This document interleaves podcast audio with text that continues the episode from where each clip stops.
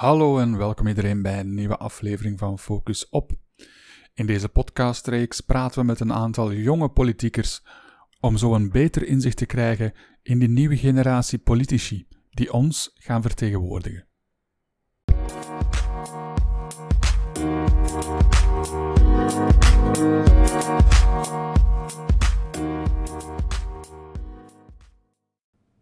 Je merkt duidelijk dat er eh, een probleem is met, eh, of een verschil is met waarheid en mening en dat die eigenlijk bijna um, opzettelijk, of niet bijna opzettelijk, maar echt opzettelijk met elkaar worden verwoven. Um, we zitten natuurlijk in de tijd van Trump, um, die, die, eigenlijk een meester is in de media bespelen. Denk je dat de media hier een, een betere rol zou moeten spelen om de waarheid te achterhalen? Ik hoor dat bijvoorbeeld dat politierapport, is daar eigenlijk in de media iets over gezegd geweest? En, en, en wat vind je daar eigenlijk over? Of, wat denk je daarvan? Ja, dat politierapport is dan uh, de dag nadien, heeft de standaard daar ook over, uh, over bericht. Um, maar natuurlijk, het is soms, uh, soms moeilijk om zoiets zo bij de brede bevolking te krijgen. De dag na dat er commotie over iets is, is geweest. En dat, dat frustreert mij um, wel een beetje. En je ziet dat een aantal politici die de meester zijn in populistische uitspraken doen, iets heel fors verkondigen, daar massale media-aandacht aandacht voor krijgen in alle populaire media. En als ze daarop worden aangesproken dat iets feitelijk niet volledig correct is, de dag nadien en eventueel een beetje zullen bijsturen, dat dan heel beperkt maar wordt opgepikt. Maar die nuance, die komt niet binnen bij iedereen. Dus daar hebben uh, zowel die politici zelf een enorme verantwoordelijkheid, maar evengoed de media, die eigenlijk op dat moment moet, moet doorvragen en al die ballonnetjes moet kunnen, kunnen doorprikken. En dat daar de media meer dan ooit nu een uh, cruciale rol in te vervullen heeft. De media, dat wordt gezegd, dat is de vierde uh, pijler van de, van de machten in een democratie. Eh, naast de parlementen die de wetgevende doen, de regering de uitvoerende, heel het gerechtelijk apparaat voor de, de, rechterlijke macht, dat de media de vierde macht is. En zij hebben daar nu een enorme verantwoordelijkheid door bijvoorbeeld factchecks te doen, door onwaarheden te doorprikken. Um, niet alleen maar de klassieke media, maar evengoed de sociale media. Maar ook de politici zelf. Die, uh, ik, um, ik heb mezelf er nog nooit op betrapt om iets naar buiten te brengen dat, uh, dat onwaar is. Gelukkig. Ja. Um, we hebben het even over die sociale media gehad. Zeker Facebook speelt daar nu een waanzinnig belangrijke rol in.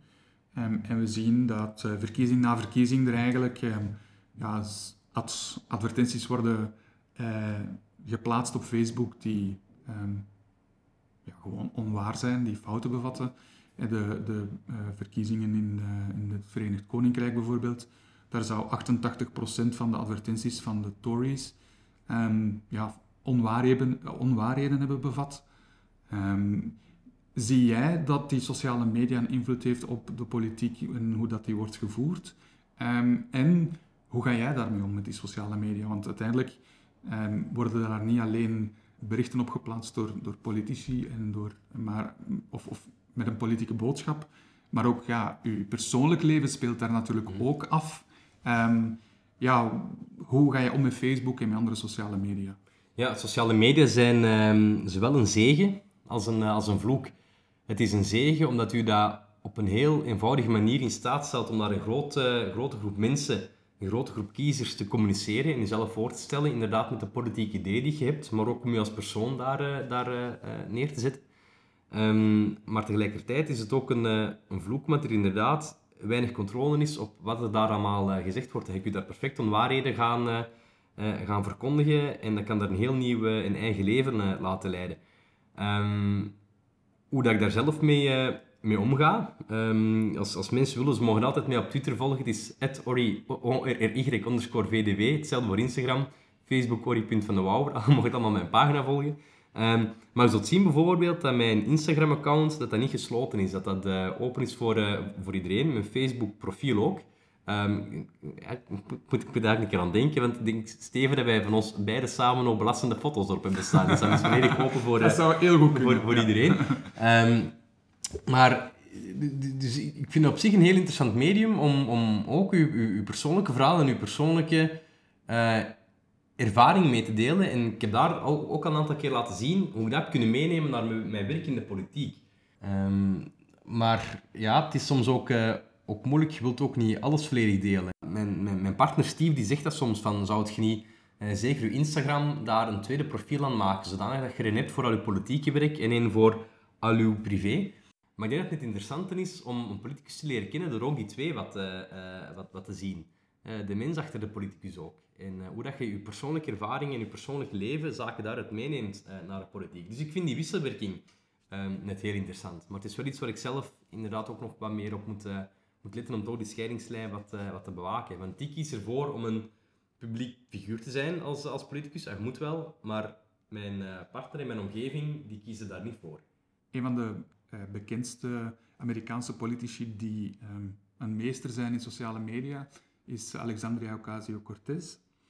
Um, zij kan echt met een simpele tweet of met een berichtje eigenlijk uh, het nationaal discours gaan bepalen. Heb je al gemerkt dat um, ja, jouw volgers of de volgers van iemand anders door bepaalde zaken ja, in actie zijn geschoten? Wordt, wordt de politiek van vandaag beïnvloed door de kracht van de nieuwe media? Ja, je merkt wel dat um, zaken die leven op, uh, zeker op Twitter, dat die ook makkelijker op de politieke agenda komen. Op dat vlak is uh, Twitter ook een beetje een bubbel hoor. Uh, ik denk dat we daar soms als politici ons wat op, op blind staren. Wat er daar gezegd wordt, dat interesseert alleen maar de politici zelf, de journalisten en een aantal andere mensen die daar heel actief op zijn, die, die er ook mee het debat sturen. Maar Twitter is, een, is, is, absoluut geen graadmeter voor, voor de bredere samenleving. Maar je kunt er wel dingen in beweging krijgen, dat klopt. Ja. Om te zeggen dat ik zelf daar heel grote zaken in... nee, dat, dat nog niet, denk ik. Ik ben nog geen AOC, nee. Wie wat nieuws kan nog komen, natuurlijk. Ja. Um, je hebt het daar ja, maar dat, dat, is, dat, is ook, dat is ook wel moeilijker voor... Um, als CD&V'er, ik heb gezegd dat ik, dat, dat, ik mij er zelf over op waak, dat wanneer ik iets, uh, iets post, dat dat uh, feitelijk ook, uh, ook, ook, correct is. Um, en ik probeer ook genuanceerd te zijn in mijn standpunten, maar die tegelijkertijd toch wel helder en, en scherp te, te, te, formuleren. Maar een christendemocratisch verhaal, dat is vaak moeilijker te brengen en zeker niet zo sloganesk te brengen dat een aantal anderen het, het wil brengen. Het is ook makkelijker vanuit de positie op zaken te schieten, waar je vanuit de meerderheid... Um, wij, wij beseffen heel goed dat bijvoorbeeld een aantal besparingen dat die wat pijn doen en dat we daar niet... Alleen, dat we daar ook niet gelukkig van zijn, maar wij, zien, wij proberen wel naar de hele puzzel te, krijgen, te kijken. En politiek is dan, um, dan keuzes maken. Um, en het is heel, heel gemakkelijk om te zeggen, ja, we gaan bijvoorbeeld in dat luik van uh, gezondheidszorg moet er zoveel meer extra geïnvesteerd worden en is dat probleem opgelost. Meerderheid, waarom doe je dat niet? Het is toch makkelijk? Ja, nee. We besparen nu om net heel veel extra te investeren in de zorg. Een, een, een, een half miljard eh, de, de, komende jaren extra. Um, maar daarvoor zijn een aantal andere besparingen nodig geweest. We zitten met uh, budgetair heel moeilijke uitdagingen. Uh, dan moet je een aantal keuzes maken en zelf kiezen waar je extra op wilt inzetten. Ja, dat gaat dan wel ten koste van iets anders. En dat is een heel moeilijke evenwichtsoefening. En als, uh, het is heel moeilijk om dat vanuit de meerderheid ook zo uit te leggen, dat wel vanuit de oppositie op één klein elementje daarvan te schieten. Je hebt het er juist al even aangehaald. Um, je, jouw partner, mm is een man. En er zijn heel veel mensen die het dan een, een, zeer, um, een, ja, een zeer bijzondere stap vinden om uh, je aan te sluiten bij de CD&V, om daarvoor die partij te gaan, um, gaan vechten. Anders moet je snel even uitleggen waarom dat, dat helemaal niet zo raar is voor jou. Nee, mijn, mijn geaardheid heeft mij niet uh, bepaald welke richting ik uh, politiek uit wilde. Nu, het klopt trouwens ook niet alsof dat de homo's geen plaats zouden hebben bij CD&V, of dat CD&V geen, uh, geen, geen pro-holibi-agenda heeft. Integendeel. Mensen die, die beseffen dat niet goed, maar het is ook CD&V die het mogelijk heeft gemaakt dat ons land het homohuwelijk heeft goedgekeurd.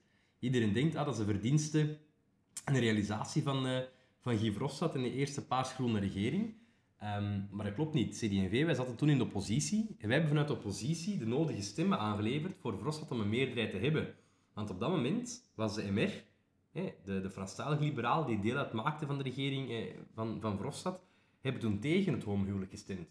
En wij hebben toen als CD&V vanuit de oppositie de stemmen aangeleverd zodat het toch zou goedgekeurd kunnen worden. Terwijl het, wat ik overtuigd ben, dat was de juiste zet. En dan moet je dat ook doen. Terwijl op dat moment dat je het puur politiek strategisch zou beschouwen, nee, VLD stelde zich toen voor als wij zijn een grote verandering, na de CVP staat van decennia wij het hier een keer anders doen. Je zou kunnen zeggen, puur politiek uh, en strategisch en um, in, in electoraal uh, oogpunt, als wij dat daar hadden tegengehouden, hadden we wel heel dat verhaaltje mee kunnen doorprikken van gezien een keer de grote, grote de, de, de man die de grote veranderingen gaat brengen op de ethische dossiers. Want wij hebben het vanuit de oppositie mogelijk gemaakt omdat de eigen coalitiepartner, de MR, ook een liberale partij, zelf, uh, zelf tegen was. Dus ik ben toen heel trots dat CD&V dat, uh, dat toen gedaan heeft. Dus homo's geen plaats bij CD&V, dat, is, dat, dat, klopt zeker niet. Bij de voorbije legislatuur hebben we trouwens in het, in het Vlaams parlement het, de meeste homo's van alle, alle partijen. Zowel in absolute aantallen als in relatieve aantallen op de fractie. Met Johan Verstreken uit Oostende, Joris Pochet uit Brussel en ikzelf hadden wij drie homo's in de Vlaamse fractie zitten. Nu, allee, op zich wil dat niet veel zeggen, maar um, zo die sfeerschipping alsof dat, uh, dat de homo's geen plaats zouden hebben bij CD&V, dat klopt absoluut niet. Als ik er juist verteld heb, voor ons telt elke mens als CD&V, dan is dat op alles van toepassing. Dan maakt het niet uit waar je vandaan komt. Hey, of jij nu geboren bent of niet, je zit hier nu, dus je iemand van ons, dat ook niet uitmaakt hoe dat je heet. Dat is een voorbeeld dat ik vaak geef, maar of uw naam nu Karima of Karina is, dat is heel het verschil, die M of die N. Maar voor de Karima's gaat het toch veel moeilijker zijn om een huis te huren om een job te vinden dan voor de Karina's. dat, mag, dat mag niet uitmaken hoe dat je heet. Of waarin dat je gelooft. Gelooft je nu in God, in Allah, in Yahweh, in niks, of, of, gewoon in jezelf? Maakt niet uit, iedereen telt daarmee. Of van wie dat je houdt.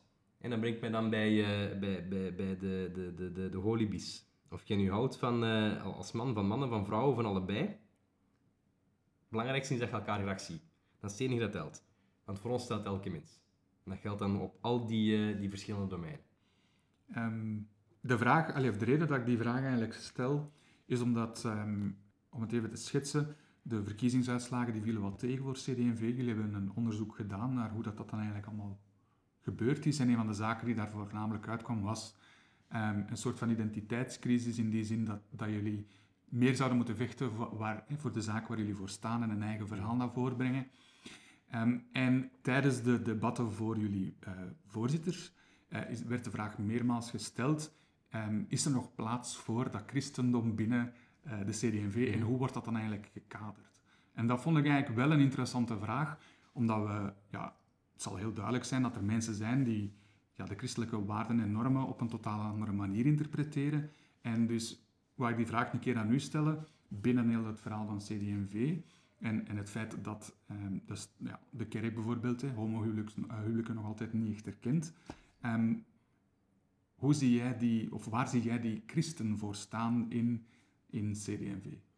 Nu, die C in CD&V staat niet voor, uh, uh, voor christelijk, uh, maar voor christendemocratisch. CD&V is christendemocratisch in Vlaams. En christendemocratie is een politieke ideologie, of eigenlijk meer dan een politieke filosofie op zich. Ik heb er straks al verwezen naar de drie de drie pijlers daarin, dat is het rentmeesterschap, de subsidiariteit en het personalisme. Nu, dat gezegd zijnde, die, die C, uiteraard, veel mensen interpreteren als het, eh, als het christelijke. En we moeten ook niet verloochenen waar wij vandaan komen. En die, uh, die christelijke waarden en normen, die zijn voor ons belangrijk, ook in ons maatschappelijke project. En als ik spreek over iedereen in stelt, is dat daar een heel mooie vertaling van ook. Um, en uiteraard zijn er dan mensen die zich aangesproken voelen door die C, en voor andere mensen zal het dat af, afstoten.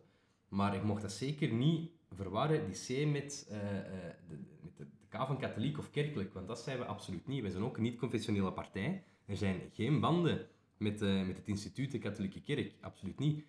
Maar we zien zelf dat, uh, want mensen denken, of, of stellen me dan soms een vraag, ja, hoe gaat jij ook nieuwe kiezers, mensen met migratiegrond bijvoorbeeld, achtergrond kunnen, uh, kunnen aanspreken? Is die C daar geen drempel? Maar dan zien we dat dat net ook een aantrekkingskracht kan zijn, omdat die christelijke waarden, dat zijn ook meer en meer universele waarden aan die ook bij andere religies aan bod komen. Um, of die ook volledig vertaald ziet in, in internationale verdragen, zoals de rechten van, het Verdrag voor de Rechten van de Mens, die, dat die daardoor ook mensen met andere geloofsovertuigingen aanspreekt. Omdat die bij ons toch wel een, eh, echt een plaats krijgen, die waarden en die normen. En ik, dat ik vind dat dat zelf onze USP is. Haalt die, eh, die C weg, wat zijn we dan nog? Dan zijn we gewoon een centrumpartij, een middenpartij. Maar die C, dat is net... Ja, dat is voor ons het fundament op basis waarvan dat wij ons verhaal naar voren willen brengen. Dus ik vind dat het heel belangrijk is dat we die gaan, gaan behouden. Er zijn een aantal mensen binnen de partij ook die, die zeggen, heeft die C nog wel een, een plaats? Is dat niet al bodig? Moet hij niet weg? als we dat weghalen, dan weet ik niet waar dat, uh, allez, dat zo onderscheidt van andere partijen, eerlijk gezegd.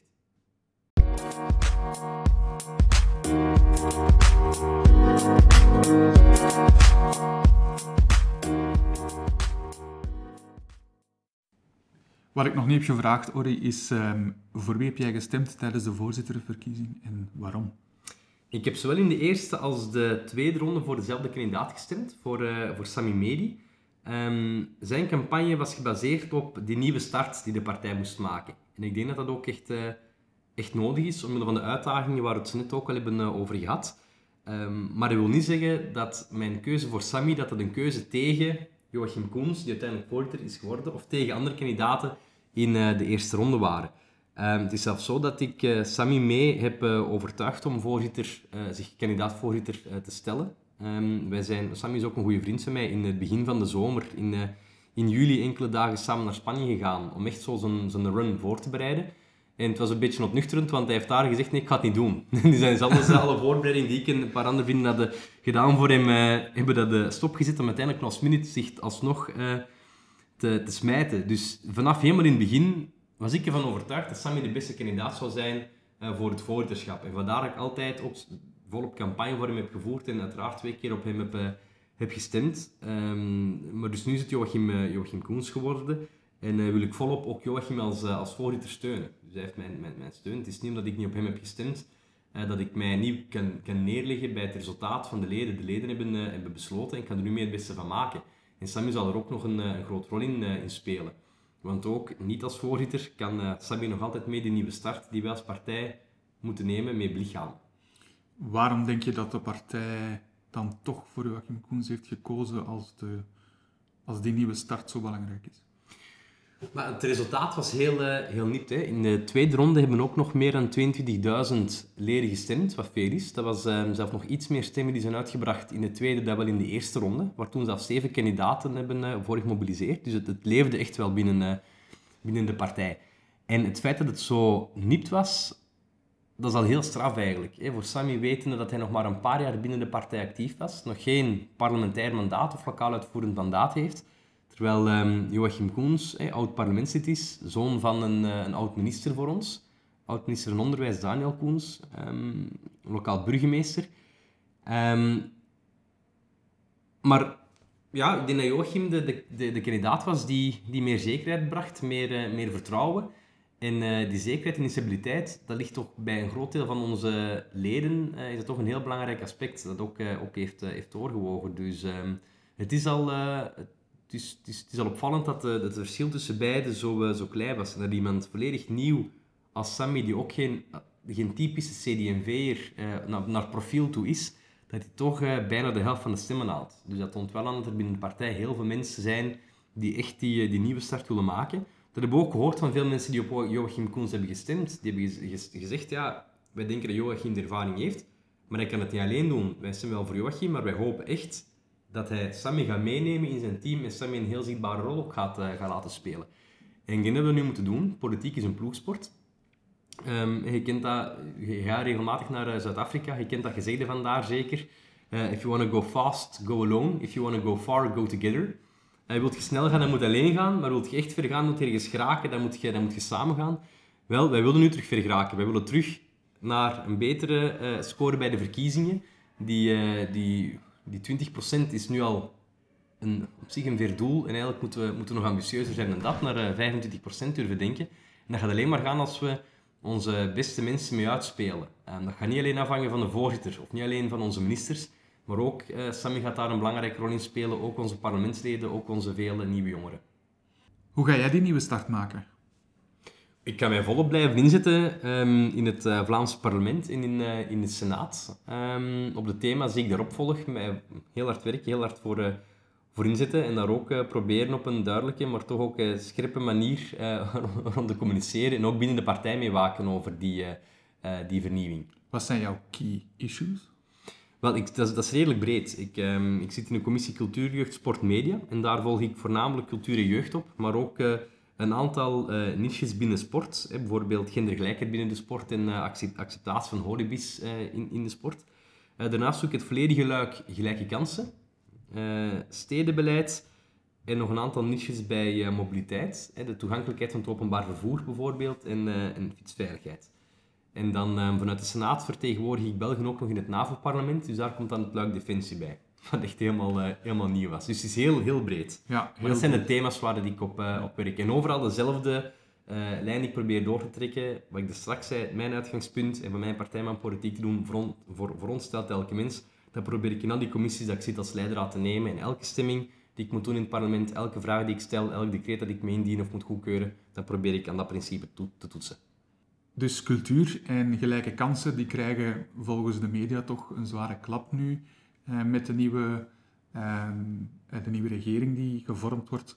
Dus wat, wat zijn jouw, of wat is daar dan specifiek jouw focus nu? Wat ga je, wat ga je daar proberen doen?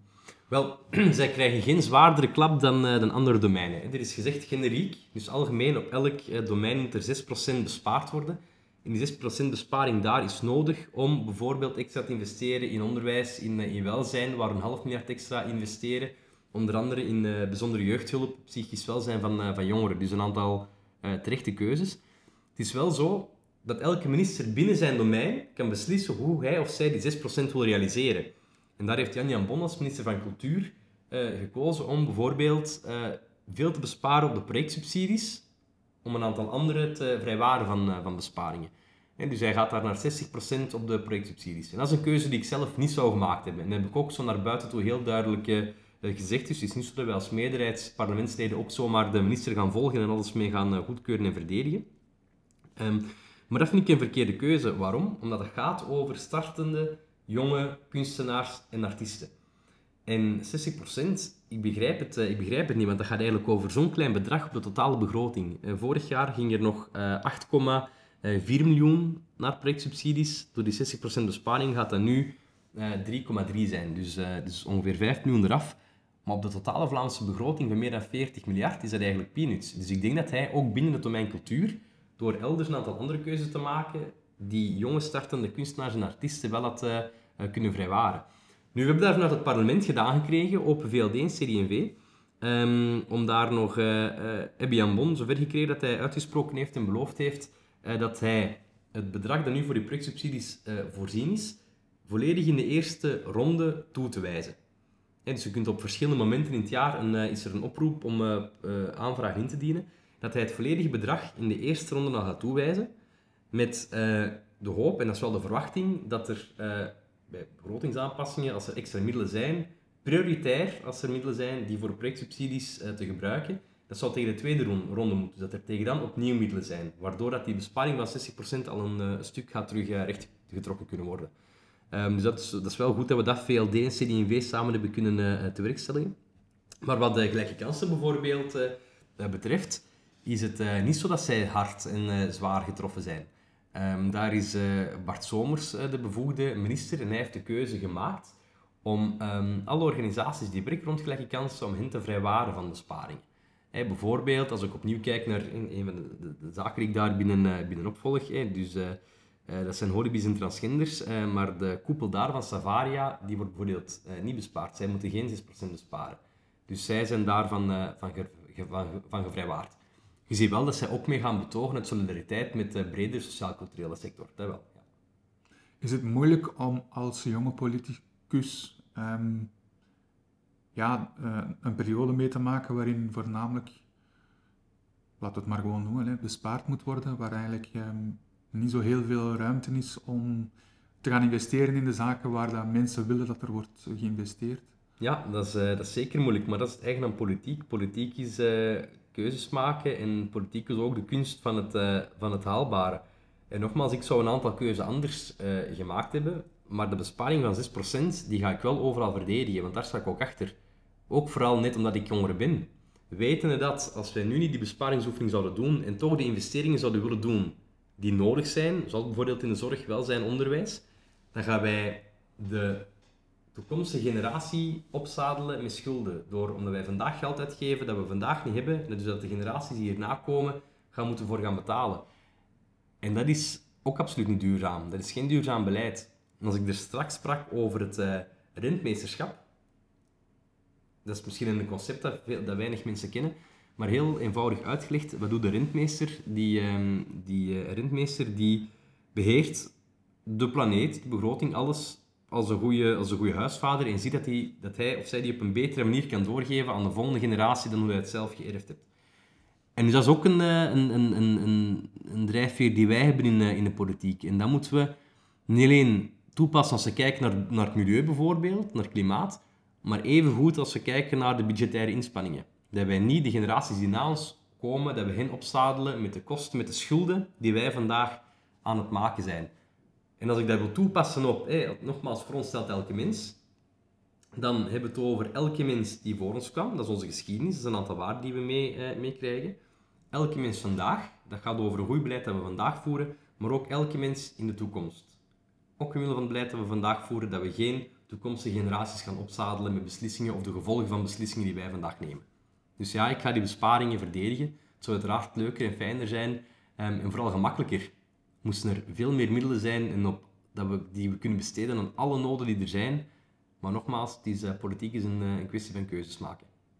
Uh, Ori, als, als politieke persoon heb je al aangehaald dat je um, um, je privéleven deelt op de sociale media. Na een dag hard werken, wat doe je dan eigenlijk om te ontspannen? God, hangt af van, uh, van, van dag tot dag. En dat ik uh, thuis ben, gebeurt heel vaak dat ik uh, pas na tien uur s'avonds... Eigenlijk op tien uur s'avonds heb ik het gevoel dat ik op tijd thuis ben. dat, komt niet volledig. Maar um, ik, ik kan ervan genieten om liefst met Steve samen in de zetel te zitten en nog een, een aflevering te kijken op, op net, Netflix. The Crown bijvoorbeeld, zijn we nu samen aan het kijken. Um, als ik alleen ben, kijk ik bijvoorbeeld... Ik heb recent de West Wing... Uh, allez, recent. Dat is dat wel een uh, ettelijke weken, zelfs maanden in beslag neemt. Dat zijn uh, zeven seizoenen van telkens meer dan twintig afleveringen. maar ik kan me ontspannen door, door naar een serie te kijken of door wat te lezen. in de zomer heel graag nog, zelfs s'avonds laat, nog even eentje te gaan drinken, een terrasje te gaan doen. probeert u van meer te sporten.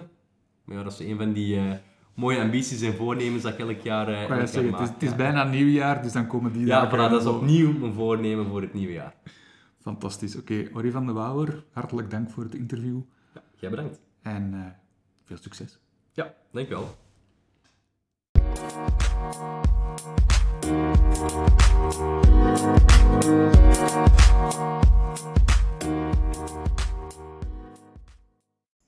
Zo, dit was het einde van de podcast. Bedankt iedereen voor het luisteren.